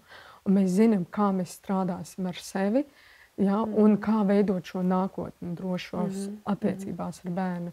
Tāpēc īpašam nav jābūt nekam. Jā. Ja, ir jābūt apzinātai vēlmei strādāt Jā. ar sevi. Ja, un ar visām šīm lietām, ko es nosaucu. Mm, mm. Ja, un, ja tas šobrīd skaitās varoņdarbs, jo tas, ko es vecākiem arī saku, arī klausoties ģimenes, jā, mēs gribam kādam bērnam palīdzēt, mēs gribam dot viņam ģimeni, mēs gribam, lai viņam mm. ir labi un tā. Es saku, jā, bet ja mēs, tas ir ļoti fantastiski, tas mm. ir ļoti labi. Mm. Ko jūs darīsiet tajā brīdī, kad būs tas, tas un tas? Mm. Un pretī nāk, Bet visiem jau ne, nav tik smagi kā mm. jums. Visiem jau ļoti dažādi bērni, ļoti dažādi gadījumi. Tā tas ir. Bet, ja mēs mm. tādu nu, skarbu piemēru pateikšu, mm. ja, ja cilvēks ir cietis autoavārijā un viņam ir laustas kājas, lausti kāja, uh, kauli un kaut kādi iekšējie ja, uh, smagas. Uh, jā, traumas, visiem cilvēkiem, kas šo ir piedzīvojuši, vajadzēs rehabilitāciju vajadzēs ļoti ilgstošu procesu, lai viņš varētu atgūties. Katrs savādākā, individuālā veidā, mm. jā, bet tas ir, tā, tā ir daba, tas ir mm. procesi, kas notiek. Tas pats notiek ar emocionālo, uh, uh, ar emocionālo veselību, tas pats notiek ar nervu sistēmu, mm. ar mūsu smadzenēm. Mums visiem smadzenes reaģē pēc savas dieva ieliktās jā. kārtības. Ja? Un šī trauma, ko mēs redzam cilvēkam vizuāli, kas ir cietis avārijā, šī trauma tāda pati ir bērnam mm. smadzenēs. Un mm. viņam ir jāpalīdz. Katram mm. savādākā veidā. Tā mēs piekrītam. Katrs cilvēks ir individuāls. Bet tā trauma atstāja savus iespējas, un mums jāzina, kā mm. veidot. Citam mazāk, četri bērni, četri dažādi stāsti. Ja? Četri bērni, četri dažādi mm. stāsti. Bet ar katru no viņiem mums gāja smagi. Tāpēc, mm. Bērnam vajadzēja, jā, mēs uzņemam smagākus bērniņus. Jā. Tā ir mūsu apzināta izvēle. Jā. Jā. Bet mēs tiekam galā tikai tāpēc, ka mums ir šīs zināšanas un paļaušanās uz Dievu. Jā, jo mm -hmm. Dievs mūs ir radījis ar galvu. Mm -hmm. Nevis tāpēc, mm -hmm. lai smuka frizūra ir, yeah. bet lai mēs domājam ar galvu, jā, lai mēs izmantojam šīs zināšanas. Un tā tad jābūt šim līdzsvaram starp mūsu garu, dvēseli un ķermeni. Un tas pats attiecās uz bērnu. Tieši tāpat mēs viņu audzinām visu šīs trīs aspektus, mm -hmm. veidojot kā veselu veselumu. Mm. Zini, kā Lilija, tu prasi, vai tas mūsdienās ir varoņdarbs? Es domāju, ka ir gan, jo Patiesībā man liekas, mēs dzīvojam tādā, man bija viens tāds Instagram posts, mēs dzīvojam tādā rīktīgā patērētāja sabiedrībā un, un tādos mēs esam aicināti būt beigi egoisti, klausīt savām emocijām. Ja? Vīri ja? aiziet no sievām. Es domāju, ka tas ir gan varoņdarbs, ka tu redzi, jums bija tik komfortabli jau palicis ar diviem bērniem, un jūs ejat un darat to izaicinājumu, tāpēc, ka jūs gribat kalpot un nodot tās savas dzīves par tiem bērniem. E, jūs sarunā ar Dāci, viņa minēja par savu meitiņu, ko viņa bija adaptējusi gadu gadiem atpakaļ. Un, uh, tur viņa teica, ka tajā laikā jau tas atbalsts nu, nebija galīgi un tās zināšanas kā šodien šodien, bet šodien var teikt, ja tā ģimene grib to un iet pa to ceļu, tad tā atbalsta komanda diezgan liela, vai ne? Kā tu saki, ka tu pati mentorē arī ģimenes, vai ne? Jā, mums tas pats bija arī ar mūsu dēleņu. Mums nebija, nebija ne atbalsta centri, nebija nekāda atbalsta vispār, un mēs bijām tā kā vieni džungļos, mežo, mm mēs Latvijā dzīvojam mežā, jā. Un, um, Jā, tas bija baisi. Tas tiešām bija baisi, jo tu redzi bērnu, tu redzi viņas reakcijas, viņa reakcijas, un tu nesaproti, kas Jā. notiek. Kāpēc viņš šādi uzvedās? Tu, jo tu redzi, zini bērnus, mm ja? kas ar viņu notiek, kāpēc tā un kāpēc nav uzlabojumi. Un, tā. un tev nav tas atbalsts no kurienes. Ja? Bet šodien esmu ārkārtīgi ļoti daudz kritizēju valsti. Es esmu pretējs cilvēks. Wow, Man liekas, super. ka mums tik kolosāli valstī tās izmaiņas notiek Jā, viņas ir lēnas, jā, viņas ir ar kļūdām, jā, viņas varbūt nav tik perfektas, kā mums gribētos, bet viņas ir.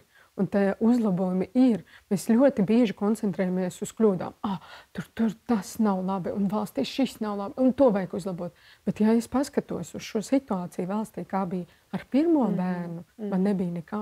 Un kas ir attīstījies valstī, yeah. ko, kas ir panākts, lai tagad ir atbalsta centri mm. un atbalsta centra sociālais darbinieks. Viņš skatās līdzi ģimenei, kas notiek. Mm. Vairāk auģu ģimenēm, bet arī ar adoptētājiem, ja vēršās adoptētāji. Jā, arī. Nu, lūk, mm. Kas notiek ar ģimenēm? Ir iespēja pieeja bezmaksas speciālisti. Mm -hmm. Jā, tur citreiz ir kaut kāds līdzmaksājums, jo šobrīd speciālistiem arī tās cenas ir tādas. Ja? Bet tomēr daļu atmaksā. Ir mm -hmm. speciālisti, kuri vispār ir bez maksas. Tad ir pieejams mentors. Mm -hmm. ja? Kad man ir mans mentors, yeah. kuram es varu piezvanīt, un teikt, klau, man tur iet, yeah. oh, kāpēc viņš tā dara un to. Un mentors ir tā persona, mm -hmm. kas mhm. tevi atbalsta, kas iedod apmācītas, ja? kas var arī profesionāli mm -hmm. pieredzi dot savu zināšanas. Nu, lūk, uh, ir atbalsta grupas, mm -hmm. ja, kur tu satiecies ar citiem vecākiem. Tu saproti, es neesmu viens, mm -hmm. reku vēl kaut ar vecākiem, kuriem tas pats iet. Mm -hmm. ja, un kā mēs smejamies atbalsta grupās, citreiz mamma saka, oi, jūs zināt, paldies par šo tikšanos. Es sapratu, ka man nemaz nav tik traki. Mm -hmm. jā, un tas arī ir forši. Jā. Tas arī ir forši, ka mēs redzam, ka, jā, kad ir ok, nu man ir ok, tas problēmas ir kārtībā. Mm -hmm. Arī tas, ko mēs piedzīvojam, tas ir normāli šīs grūtības. Jā. Tas nav kaut kas ārpus kārtas, mm -hmm. tas ir mhm. normāli ar to saskaties. Nu, lūk, ir šobrīd arī pabalsti jā, adoptētājiem, kas, kad mēs uzzinājām, mums bija wow, par ko Mm. Par ko mēs audzinām šos bērnus kā savus bioloģiskos jā, bērnus? Jā. Par ko man maksā pabalstu? Mm. Jā, bet tas ir no valsts puses Super. tik superīgs žests. Jā. jā, mums likās, wow! Mm -hmm. nu, tas ir mhm. milzīgs atbalsts. Jo mums ļoti patīk bērnus visādiem pulciņiem sūtīt, oh, visur, kur braukt. Jā, un līdz ar to tas atbalsts no valsts puses ir super. Tas ir brīnišķīgi. Un paskatieties, cik lielas izmaiņas pa šiem gadiem. Dēls tagad seši gadi būs, kopš viņš ir ģimenē. Pa sešiem gadiem. Oh. Nu, tas ir milzīgs izmaiņas. Jā. Man liekas, mums jābūt arī pateicīgiem uh, mūsu valstī uh, personām, kas šo visu ievieš un strādā un cenšas. Nu, mēs neviens neesam perfekti. Mm. Nu, varbūt kāds skatītājs ir perfekts, ja viņš zina, kā valstī, kuram tur vajag ko labāk izdarīt. Bet skatīsimies uz šo pozitīvo, un tā pozitīvā ir daudz. Un, un otrkārt, mēs jau paši varam šo arī veicināt. Mm. Mums jau patīk, ah, jūs tur, a, ko tu pats esi Super. darījis. Nu, tā, tā kā atbalsts ir liels, tiešām svarīgi to zināt. Ja nezinu, ko, kas vēl ir, mm kas man vēl pienākās droši atbalsta centrs tilts un prasam, man vajag to, es gribētu šo savam bērnam, ko man darīt. Un mēs sniedzam šo informāciju wow. tālāk. Brīnišķīgi. Mm. Daudziem ir tādi. tādi tādi nu, domas, bet man pazuda tas vārds, un es nespēju viņu atcerēties. Bet, um, kad, man liekas, nu, tas viss uh, process, nu, kā bērniņš ienāk ģimenē, viņš ir tik ļoti sarežģīts, viņš ir tik ļoti ilgs, ka es nemaz nesākšu. Un es domāju, tagad ar tevi runājot, es saprotu, nu, ka iespējams, ka tā, tas, tas, tā grība un tas aicinājums nemaz nav tik stiprs, ja tu tāpēc kaut ko neuzsāc. Ne? Bet kā tur ir, vai, vai viņš ir sarežģīts, vai tas process tomēr ir tāds viegli pārskatāms? Un... Mm -hmm. Nu, tagad manī runās bijušais bērnu tiesas darbinieks. Iedomājamies, tagad, um, kad, uh, kad jūs esat uh, persona, mm -hmm. kurai ir bērniņš. Nevis jūsu bērniņš, bet jūs atbildat par šo bērnu. Yeah. Ja? Viņš ir, ka jums tagad stāv tas bērniņš. Un tagad nāk personas pie jums, kuras saka, mēs gribam būt vecāki šim bērnam. Vai jūs uzticētu šo bērnu mm. cilvēkiem, kurus mm. jūs nezināt? Kādi viņi ir, kas ar viņiem notiks. Jums ir konkrēts bērns. Jā. Tas nav kaut kāds imaginārais bērns, Jā. tas ir konkrēts wow. bērns. -hmm. Un, lai mēs varētu uzticēt ģimenei bērnu, -hmm. ir jābūt šīm pārbaudēm. Jā. Un šīs pārbaudes ir vajadzīgas ne tikai, lai paskatītos, vai ģimene atbilst vai neatbilst, Mm. Vai viņi varēs vai nevarēs, bet arī pašai ģimenei, kamēr viņa mācās šīs apmācības. Mums ir bijušas ģimenes, kas teica, ok, paldies, mēs pārdomājam, mēs negribam. Mm. Un tas ir super. Tas mm -hmm. ir super. Kāpēc? Tāpēc, ka viņi apzinās savus resursus. Jā, jā. Viņi iepazinās ar informāciju, viņi saprata, wow, wow, wow. Mm, nē. Mm -hmm. Vai vismaz ne šajā dzīves posmā. Mm -hmm. ja? mm -hmm. Un tas ir labi. Tas ir mm -hmm. daudz labāk nekā, nē, es tur iešu, darīšu un sastapos ar realitāti. Un, oh, Piedodiet, reko mīļais, mums jābrauc atpakaļ, mm. jā, pie auģu ģimenes vai vēl kaut kas. Nu, lūk, tāpēc šīs pārbaudes ir, jā, tev ir uh, dzīves vietas apsekošana, ārstu zīmes, ka tev viss kārtībā, gan psihiski, ka tev nav nekādas atkarības jā, no kaut kādām vielām. Tev, uh, jā, dzīve, dzīves vieta, kāda viņa tev ir, mm -hmm. tie nosacījumi arī nav nekādi tur baigi prasīgie, jā, vienkārši nu, normāli mm -hmm. atbilstoši situācijai. Uh, nu, lūk, uh, apmācības, jā, tev mm jāzina, ko tu mhm. dari un kāpēc tu to dari. Tad ir sarunas atkal ar, uh, ar psihologu. Jā, mm -hmm. Lai to atkal savu motivāciju, tu pārskatīji attiecības ar vīru, vai mums saskan, nesaskan šī mm -hmm. skatījumi. Uh, tad ir um, saruna arī ar uh, atbalsta centra darbinieku. Mm -hmm. Pieņemsim, no, tagad es esmu vadījusi apmācības, es redzu jā. šo ģimeni, mm -hmm. un pēc tam mēs vēlreiz ar viņiem runājam par mhm. daudziem -hmm. jautājumiem. Jā? Un es atkal skatos Mm -hmm. un rekomendēju kaut ko vai kā. Ja? Un tas ir vajadzīgs tāpēc, ka kāds tev ir mērķis? Ja tev ir mērķis mm. bērns, nu es savu bērnu dēļ izdarīšu visu, jā, es atdošu savu jā. dzīvību par viņiem. Mm. Un kur nu vēl kaut kādus struntus? Mm. Un mēs e, gājam šim procesam jau no kaut kādus 11 gadus atpakaļ, kad mēs pirmo reizi bijām mm. par viesu ģimeni maniem bērniem ar īpašiem vajadzībām, kuriem es biju audzinātāji. Kā viesģimene. Mēs tikām pētīti, izpētīti, pārpētīti, mm. apsekoti neskaitāmas mm. reizes. Un es varētu teikt, Come on! Jūs mani zinat, Jā. mēs tur dzīvojam, mēs tur redzam, cik var, nu, ka, cik var staigāt pa tiem speciālistiem. Nu, mēs jau šo procesu cik reizes esam izgājuši. Un jautājums par to, tas ir, kā Dievs arī saka, ir jābūt paklausīgai valstī. Jā, Jā Dievs to saka. Jā, dievam, mm -hmm. dievam. Un, mm -hmm.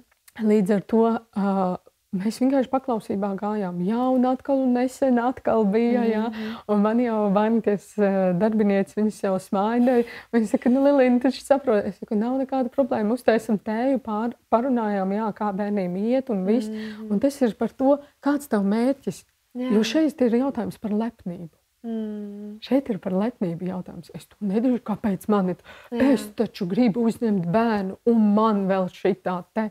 Mm. Ja? Par ko šis stāsts? Tu ej, tavs mērķis ir šī kalpošana bērnam, vai tev mērķis ir būt varonim? Un kāpēc Jā. te tagad man ir jā, no visām pusēm? Nu, lūk, jo es arī neuzskatu, ka mēs bērnus glābjam. Mm -hmm. Jā, ka mēs tagad valsts bērnus glābjam un mēs te valstī palīdzam un vēl kaut kas. Šī motivācija kaut kādā brīdī arī tev vienkārši pajuks. Jā? Mm -hmm. Kāpēc tu to dari? Es gribu bērnus. Jā, mm -hmm. es saprotu, ko tas nozīmē šiem bērniem. Jā, ka tas mm -hmm. maina viņu dzīves, jā, tas ir viņiem iespēja, bet tā arī dāvana man. Es gribu bērnus. Un tad visas šīs lietas, ko tu saki, viņas ir dabiskas. Tu vienkārši ej, dari. 150 reizes viņas dara, bet tu aiz tā visa skaties nevis ko, kā, mm -hmm. kurš speciāls kā, mhm. bet tu vienkārši redzi to bērnu. Mm -hmm. ja? Un tu saproti, ka tas viss ceļš līdz viņam ir normāli. Jā. Viņš ir to pelnījis. Viņš ir tā vērts. Super, paldies tev. Nu, un uh, Svētdiena, bāriņu svētdiena, man liekas, fantastiska iniciatīva Latvijas, latviešu draudzēs. Um, kas būtu tev, kas ir tajā ļoti aktīvi darbojies? Ko tu gribētu, lai cilvēki padomā, lai cilvēki sirds atverās un piedomā tieši šajā svētdienā? Jā, šajā bāriņu svētdienā jā, mēs arī savā draudzē aktualizējam un um, Kristīgā alianses bāriņiem tieši šo iniciatīvu sāka Latvijā. Es to nezināju. Mm -hmm. Teikšu godīgi, mm -hmm. mums mhm. vienkārši draudzē bija tās aktualitātes un yeah. pēkšņi.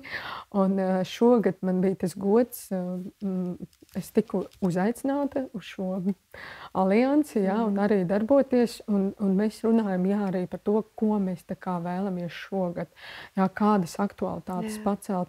Un ir ļoti svarīgi atcerēties, šo, šogad mēs mēģināsim arī vērst uz šo bērnu stāstu.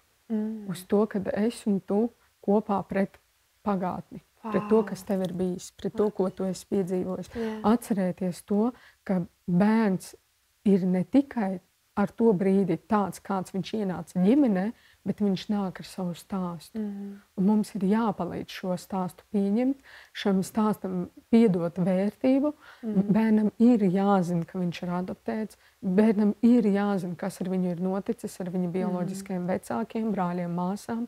Un es nesen tieši gatavojoties apmācībām, mums bija šī tēma mm. jā, par bērnu stāstu, kā pareizi stāstīt. Tur ļoti svarīgi atbilstoši vecumam, un, bet bez meliem tikai patiesība un kā mēs to sakam. Un tā.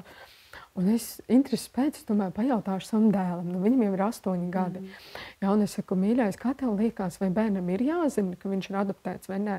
Jo mēs visu laiku ar jā, bērniem par šo jā. runājam, jā, nepārtraukti. Kad viņiem ir šī interese, mēs, viņiem tā ir norma.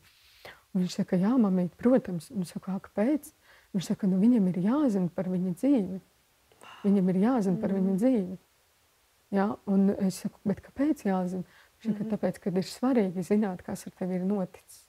Mm -hmm. ja? Un tas ir par šo.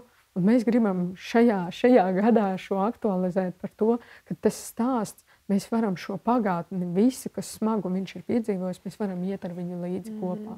Mēs varam iet līdzi kopā, un tam ir ļoti liela vērtība viņa stāstam. Kad bērns ienāk ģimenē, viņš nav balta lapa. Jā. Viņš nav balta lapa. Es zinu, ka mhm. cilvēki nomaina uz, vārdus, personas kodus un visu, un liekas, ka viss tagad būs bērniņš. Ja? Mm. Un tas, kas ir bijis, viss tur, tur.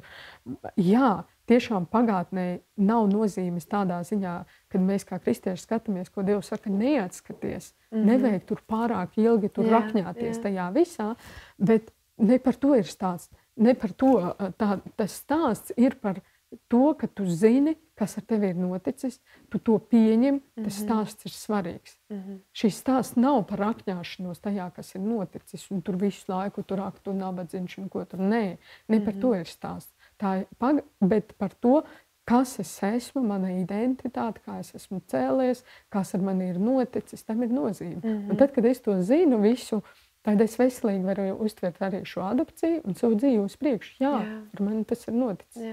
Tā kā šajās bērniņas veidienā jā, būtu svarīgi padomāt par šiem bērniem, gan tiem, kas ir adoptēti, tie, kas ir adoptējuši, jā, lai padomā mm. par to, ka ir svarīgi viņam šo stāstu zināt, ir svarīgi šo stāstu cienīt. Tiem, kuri nav adaptējuši, nav nekādā veidā saistīti, atcerēties par to, ka bērnam ka ir bērni vēl joprojām, kuri šo stāstu šobrīd dzīvo, mm -hmm. un mhm. viņiem nav šī persona. Wow. Ja? Un, kad es varu mm -hmm. būt daļa no šī stāsta, es varu būt tas, kas mm -hmm. uzņem bērniņu, vai palīdz, vai atbalsta. Mm -hmm. ja, nu, lūk. Jā, tu jau minēji to, ka uh, varbūt mēs visi neesam aicināti adaptēt bērniņu, bet mēs visi gan esam aicināti kalpot viņiem kaut kādos veidos. Un es domāju, ka daudziem rodas jautājumi arī īpašajās bērniņu svētdienās, kā es varu kalpot, kā es varu darīt, ja, ja es neredzu uzreiz to adapciju. Mm -hmm. Tie veidi ir dažādi. Nu, sāksim no tāda lielākā, nevis lielāka pēc nozīmes, bet tāda nopietna Visi viņi ir nopietni, negribam mazināt nevienu. Jā. Nu, sāksim ar adopciju. Jā? Tātad uzņemt bērniņu kā savu bioloģisko bērnu. Viņam visas eh, tiesības juridiskās ir tieši tādas pašas kā bioloģiskiem bērniem. Tā tad viena opcija. Mm -hmm. Otra opcija ir auga ģimene. Ir ģimene, profesionālā ģimene, kas mm -hmm. uzņem bērnu uz laiku. Mm -hmm. Ka, vai nu kamēr viņš atgriežas bioloģiskajā mm -hmm. ģimenē, kad kamēr tur viss risinās bioloģiskajā ģimenē, vai nu viņš iet pie adoptētājiem. Ir gadījumi, kad bērni arī paliek auga ģimenēs. Mm -hmm. ja? Otrs. Trešais aizbildnis, labi, neiztiksim, tas ir radinieki, kas uzņem mm -hmm. jā, šos bērniņus. Mm -hmm. uh, ceturtais veids ir viesģimene, kad mm -hmm. es uh, arī jāiet visiem šiem oficiāliem mm -hmm. procesiem. Kāpēc? Tāpēc, ka jāzina, jā, jā, jā. jāzina ģimene, jāzina, uh, uz ko es eju arī nu, lūk, tātad brīvdienās es varu braukt tā, kā mēs darījām ar mūsu pušiem. Mēs braukājām uz visiem koncertiem, kas viņiem bija svarīgi. Mm -hmm. Ņēmām ciemos, braucām uz bērnām pie viņiem. Nu, tu, tu tiecies, tu esi tā bērna dzīvē. Vienkārši esi jā, viņam kā atbalsta persona. Ja šis arī nu, liekas, ka nē, tad ir iespēja būt par mentoru mm -hmm. jauniešiem. Jā, tad es varu būt vienkārši kā atbalsta persona un varu komunicēt ar viņu. Ja šīs arī nē, tad uh, ir iespēja kalpot, ja, ja draudzēs vai pat nedraudzēs. Ja jūs zinat kādu personu, kas ir adaptējusi, uzņēmusi uh, bērnu, jūs varat cik ik pa laikam pajautāt, vai es varu kaut kā tevi atbalstīt, mm -hmm. vai varbūt kaut kas vajadzīgs tev. Va, visbiežāk būs tā, ka nē, bet šī mm. apziņa, yeah. ka kāds pajautā, yeah. kāds pasaka labus vārdus, kāds, nu, man arī viena Instagramā ir Madara, uh, tāda meitene, arī kristiete, viņa tik bieži raksta atbalsta vārdus, ka mm. ir sajūta, ka viņa ir tā kā, viņa mm. droši vien tagad skatās, maina, ka viņai kalendārī ir rakstīt. Tā, šodien Lilijai jāpasaka labas atbalsta vārdus. Jā. Un es lasot viņas vārdu, goda vārdus, tad, kad ir smagās dienas, mm. vakar arī bija ļoti smaga diena. Un, un, un tu atvēri vaļā, un tev raksta cilvēks, ka, kad, nu, cik atbalsta vārdus, un tu sēdi un raudi, Jā. tāpēc, ka tev liekas, ir tik grūti, bet šie mm atbalsta vārdi, viņi ļoti daudz ko mhm. nozīmē. Mm. Ļoti daudz. Mums liekas, ah, nu, ko te es tur, ko tur, jā. Bet vienkārši, kad tev pajautā, kā jums iet vispār, ir īpaši sākuma posmā, ir ļoti grūti. Jā, un tad, kad ienāk šīs smagais uh, posms, kad pāriet šis medus mēnesis un sākās ambivalents, mm jā, tāds posms, nu, tad tur vispār ir. Jā. Mēs varam atbalstīt šos mm. dažādos veidos. Jā. Nu, lūk, piedomāt par šiem cilvēkiem. Es pat nezinu, kas vēl tāds. Palaist randiņā, ne? Palaist randiņā, tieši tā, mm. palaist randiņā, uh, iedot iespēju mammai kaut vai uz stundu iziet Jā. ārā. Es zinu, ka ir ma nu, mammas, man atkal vīrs ļoti atbalsta. Mēs viens mm -hmm. otru tā kā palaižam. Jā, tā kā Super. tagad. tā kā iespējas ir daudz. Jā, jā izklausās ļoti labi. Mm. nu, Aha, vēl, atrast, jā. jā, piedod, vēl ir, mm -hmm. mums draudzē brauc uz bērniem. À, jā, ir mums ir grupiņa, jā. kas kalpo, bet svarīgi, ļoti svarīgi regulāri to darīt. Mm -hmm. Bērniem es uzreiz pateikšu, daudziem liekas mantiskās lietas. Viņiem nevajag mm. mantas. Jā. Viņiem vajag šo emocionālo kontaktu, manu personu, mm. ar kuru es varu komunicēt mm. regulāri. Mm. Jā, tas es atceros, ka mūsu draugs arī ļoti aktīvi darbojās vienā no uh, krīzes centriem. Un, un, un, un es aizbraucu arī līdzi, un uh, es biju šokā. Tur tādi plazminieki, nu, mantas viņiem ir, viņiem arī nevajag to, uh, kas atbrauc Ziemassvētkos, nodziet trīs dziesmas un aizbrauc. Ja, un pēc tam atkal gadu neko viņiem vajag tās attiecības vai ne to laiku. Tas noteikti arī foršs veids, kā var darboties. Līlija, labi, mēs esam par to pārnājuši, bet tagad uh, klausoties pēc tevis jau aizgrābt, jo tas viss ir tiešām, nu, es domāju, katrai sirdī tas aizkustina un uzrunā. Un es arī domāju, kā mēs kā ģimene varam darīt vairāk. Bet tāpat laikā skatos tevi uz tādu skaistu trauslu sievieti un domāju, kā tu tiec galā, kā tu nepārdedz, kur tu smēlies to spēku. Noteikti, ka tas ir arī attiecības ar Dievu pirmkārt jau, bet kā vēl, kā tu uzmani, lai tu nepārdedz, kā tu, jā. Nu jā, atkal par to, vai, vai es tieku galā. Ja? Tas ir labs jautājums. Kā, kā, kā, kā tu Lilija izdzīvo? Tas būtu pareizs jautājums, jo es tiešām negribu Es mazu, mazu atkāpju. Es citreiz skatos Instagramā mm, postus mamām, kurām viss tik perfekti. Viņas tur ar bērniem darbojas un tā. Man liekas, es nevaru šo izturēt, un šo perfekcionismu, un viss viņai tik labi un tā. Nevis par viņu konkrēti, Jā. bet vispār, ka nu, nu, nav jau dzīvē viss tik perfekti. Un es nesen ar draugu runāju, viņš ir klausies, bet citreiz skatoties tavu Instagram, var tieši tāpat likties. Jā.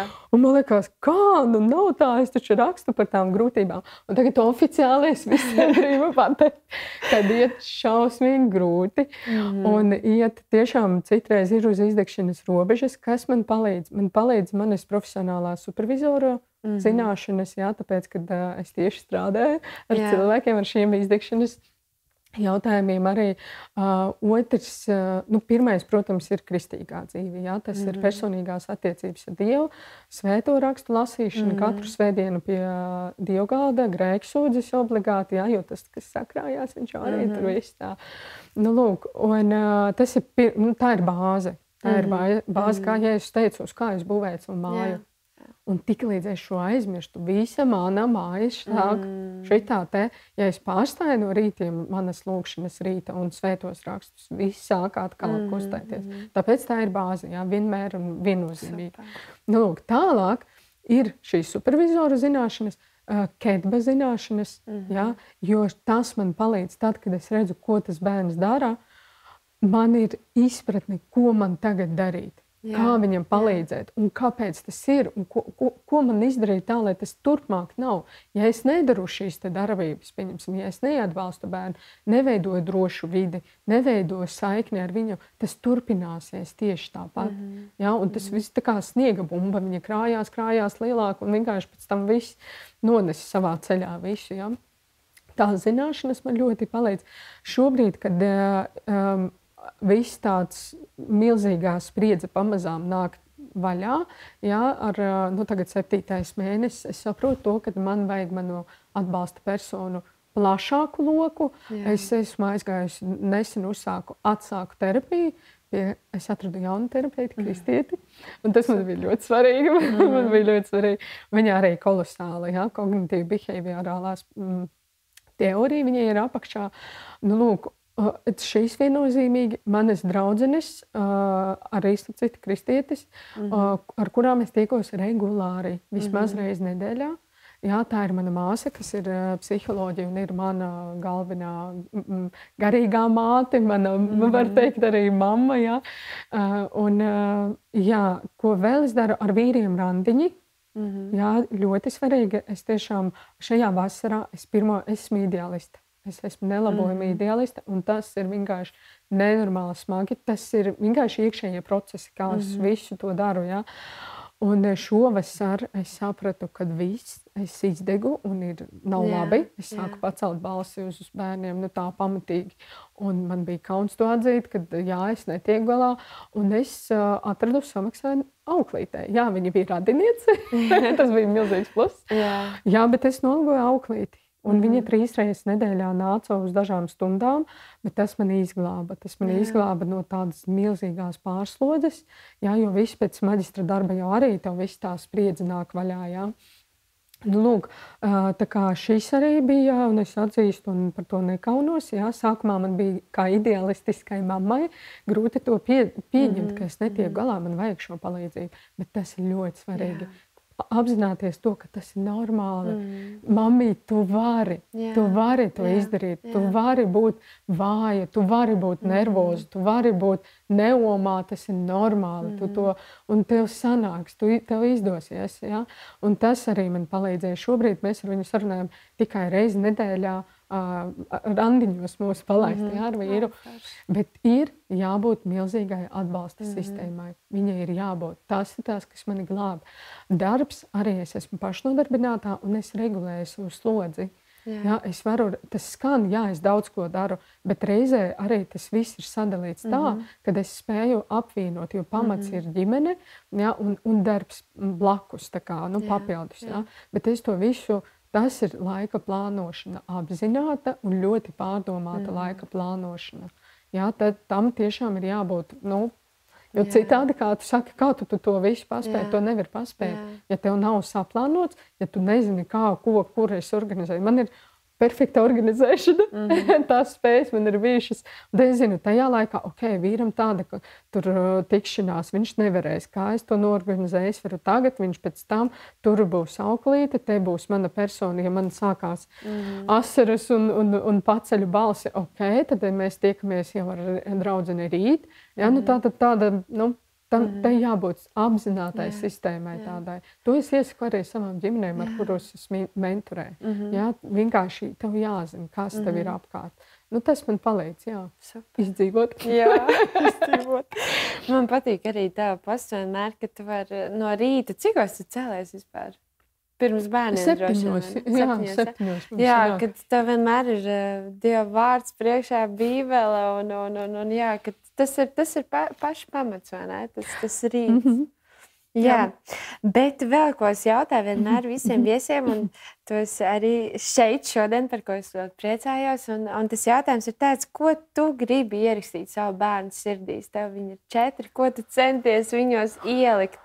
Tev jau ir pavisam īpašs stāsts. Jā, es patiesībā par šo domāju ar savu ideālismu, man ir ļoti lielas prasības, gaidas pret sevi.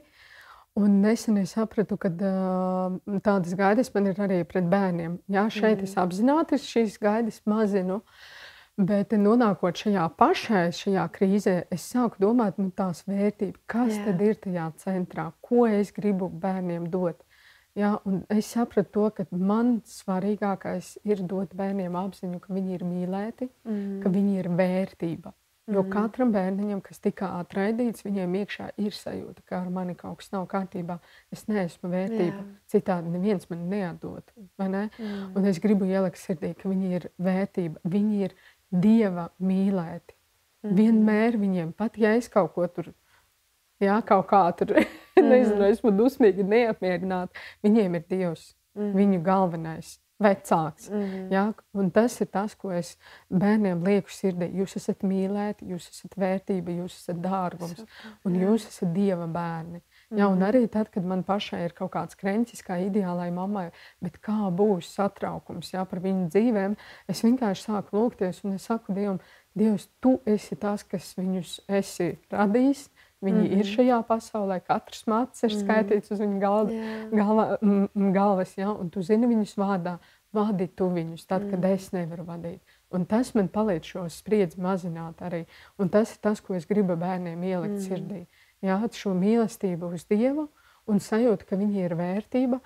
Un jā, dzīvē ir ciešanas, ir smagas lietas, bet mēs ja viņas pārvaram, gribam, cīnāmies, mēs sasniegsim mm. savu mhm. mērķi. Mm. Jā, mēs neesam vieni, mēs esam ar, ar Dievu. Tātad, ja jums ir kādas dzīves grūtības, vienmēr nāciet pie mums, pie vecākiem. Jā, Jā. Jūs esat vērtība, jūs esat dārgums, jums ir Kristus, jūs neesat viena. Un tad, kad jums ir kaut kas, vienmēr nāciet. Tas ir tas, ko es gribu viņiem tādu bāzi ielikt sirdī, un ko es arī daru ikdienā. Un ja es sadusmojos, ja es uzvedos kaut kā netik smuki, kā man gribētos, Tas, ko es daru, es eju atpakaļ pie bērna pēc laika, kad es nomierinos, un es saku, tev jāzina viena lieta, kad es tevi mīlu vienmēr, arī kad esmu dusmīga. Mm -hmm. ja, arī kad es neesmu tik jā, forša, kā jā. man gribētos. Es tevi mīlu tāpat. Un nesen man bērni arī saka, Mama, es tevi mīlu arī tad, kad tu dusmojies. No. Es saku, oh, tas paldies, ka tu man arī piedod. Un mēs Jā. atjaunojam šo saikni. Es lūdzu mm piedošanu. Es tā arī saku, mm tas veids, kā es rīkojos, nebija foršs. Mm -hmm. Es par to atvainojos. Es neatvainojos par to, ko es teicu. Jo tev ir jāizdara tas, jā. tas un tas. Bet kā es to teicu? Mm. Un šī atvainošanās, viņa nemazina manu autoritāti. Mm. Viņa parāda to, ka mēs varam kļūdīties un labot savas jā. kļūdas. Jā. Un tas ir tas, ko es vēlos arī ielikt viņiem sirdī. Tu vari kļūdīties, tev dzīvē var neiet tā, kā gribētos, bet tu turpini cīnīties, turpini iet uz to savu mērķi. Mm -hmm. Ja, kopā ar Kristu mēs to esam. Tev ir milzīgs radinieku lokus, mēs Jā. esam ļoti liela ģimene. Ja? Un vienkārši turpini cīnīties, mm -hmm. lai viņi redz to mērķi un iet uz to. Mm -hmm. Super. Es domāju, mēs esam daudz runājuši par izaicinājumiem arī, bet es gribētu pajautāt eh, nobeigumā, kas ir tas foršais mammas būšanā, ko tu riktīgi izbaudi un eh, kas tev riktīgi patīk esot par māmu? Jā, esot par mammu, man liekas, tā ir, tā ir vienkārši milzīga svētība. Jo šo sajūtu ar bērnu, ka tu, to mīlestību, kas ir mammai iekšā, ka tu izdzīvo to ar bērnu, ka tu redzi kaut kādas mazas, mazas lietas, kas viņam veicās. Un ka tev mhm. liekas, nu, es eju šo mazo graudiņu, Viņš tagad aug liels, un vakar arī, starp citu, arī ir grūti, grūti, grūti. Un tad vakar dēls man saka, mamma, uh, mēs atslēgas tur izmetam pa balkonu, mm -hmm. jo, mm -hmm. nu jā, izmetu yeah. atslēgas pa balkonu durvīm, un es tagad izēju, un es skatos, ka tur nāk kaimiņš, un man, mans dēls saka, es atvainojos, tu varētu man lūdzu atvērt durvis. Viņš tur atvēra viņam tā, tās ārējās durvis, ja, nu, uz, mm -hmm. uz, uz kāpņu telpās. Un viņš saka, paldies, un, iet, un es domāju, oh. Viņš izdarīja visu perfekti. Viņš spēja palūgt palīdzību, viņš spēja palūgt to mhm. pieklājīgā veidā, pateikties. Un tas ir tas, kad es kā mamma, kad redzu šos te, šos te augļus, Jā. kādi viņiem ir, mm. ja, un kad man ir bērni, viņi, viņi iet arī tagad uz svētdienas skolu, mm. un viņiem šī kristīgā dzīve ļoti svarīga. Mm. Ļoti interesantā veidā izpaužās. Un tagad es kaut kur braucu tikties ar draugiem, un viņiem uzreiz jautājums, Mama, viņas tic jēzum. tāds, mm. nu, mēs it kā tik ļoti daudz tā nerunājam, droši vien, ka runājam. Vienkārši tas ir iekšā dzīvē Jā. kaut kā. Nu, nav tā, ka mēs apsēžamies. Nu, lūk, un, uh, man kā mammai ir prieks redzēt, ka viņiem veidojās attiecības ar mm -hmm. Dievu. Jo mēs mhm. katru vakaru kopā sanākam. Mums ir vakara lūkšana kopā. Jā. Jā. Un man kā mammai ir prieks redzēt šo attīstību. Mm. Es jūtos gandarīta, ka tie ir mani bērni. Es viņus tik ilgi gaidīju, mm -hmm. cik gadus es viņus gaidīju. Un redzēt tos rezultātus, mm -hmm. kā viņiem sanāk, jā, kā viņi pārvar šo traumu, kā viņi izdzīvo. Un, viņi, un tas, ko es gribu vēl ielikt sirdī, jūs esat uzvarētāji. Jā, jūs neesat upuri, jūs esat mm -hmm. uzvarētāji. Mm -hmm. Un man kā mammai prieks redzēt, mm -hmm. ka viņi šo sajūtu, viņi jūt. Ja, un kad es saku, nu, kā tu jūties? Tagad, tu, tagad mēs svinam tās dienas, kad viņi ienāk ģimenē. Ja? Mēs svinam katru mm gadu ar kūku. Un, un viņš saka, esmu tik laimīgs, ka es ienācu ģimenē. Un mēs vienmēr sakām, mēs esam tik laimīgi. Un tā ir mana mammas lepnums, mm kad es redzu šos sasniegumus, maziņus, pēc tam lielākus, ja? bet redzēt šo attīstību savā bērnā. Un ļoti svarīgi redzēt šo attīstību attiecībās ar Dievu, viņi veidojās jā. jau tagad ja, kad, kad viņi ir maziņi. Jā, es ļoti mīlu būt par mammu. Es tiešām ļoti mīlu būt par mammu. Man ir cēlīši visi. Man uzreiz. Mm. Un šitas te arī, arī tās rozā brillītes, tādas drēbītes nopirkt vienādas. Kā man, man draudzene saka, nu jums tie džemperīši viss tāds vienāds, bet tas ir tas, ko es arī mm. baudu. Arī tajās grūtībās apzināties to veidu. Mm. Man tas patīk. Man patīk starp tām smagajām lietām vienkārši izrauties un izveidot to, kas man sagādā prieku. Jā. Jā, nevis vienkārši jāiet smagi un tā. Un es izbaudu būt par mammu, izbaudu, izbaudu šos smagos mirkļus. Tas trenē man gara muskuļus. Jā, tāpēc jā, es mīlu būt par mammu. Līlija, paldies tā par sarunu. Es, es paldies. jau jūtos tā, ka man vajag aiziet kaut kur padomāt. Un, jā, un es domāju, ka mēs visi varam būt arī ar atvērtām sirdīm. Un iespējams, Dievs arī kādu no klausītājiem, skatītājiem var uzrunāt. Un arī šajā bērniņa svētdienā iespējams tu vari darīt vairāk un kaut kā kalpot bērniem, kuri ir palikuši bez uh, vecāku gādības un rūpēs. Paldies, Lilija! Un tad jau tiekamies nākamajā sezonā, uh, epizodē. Atā!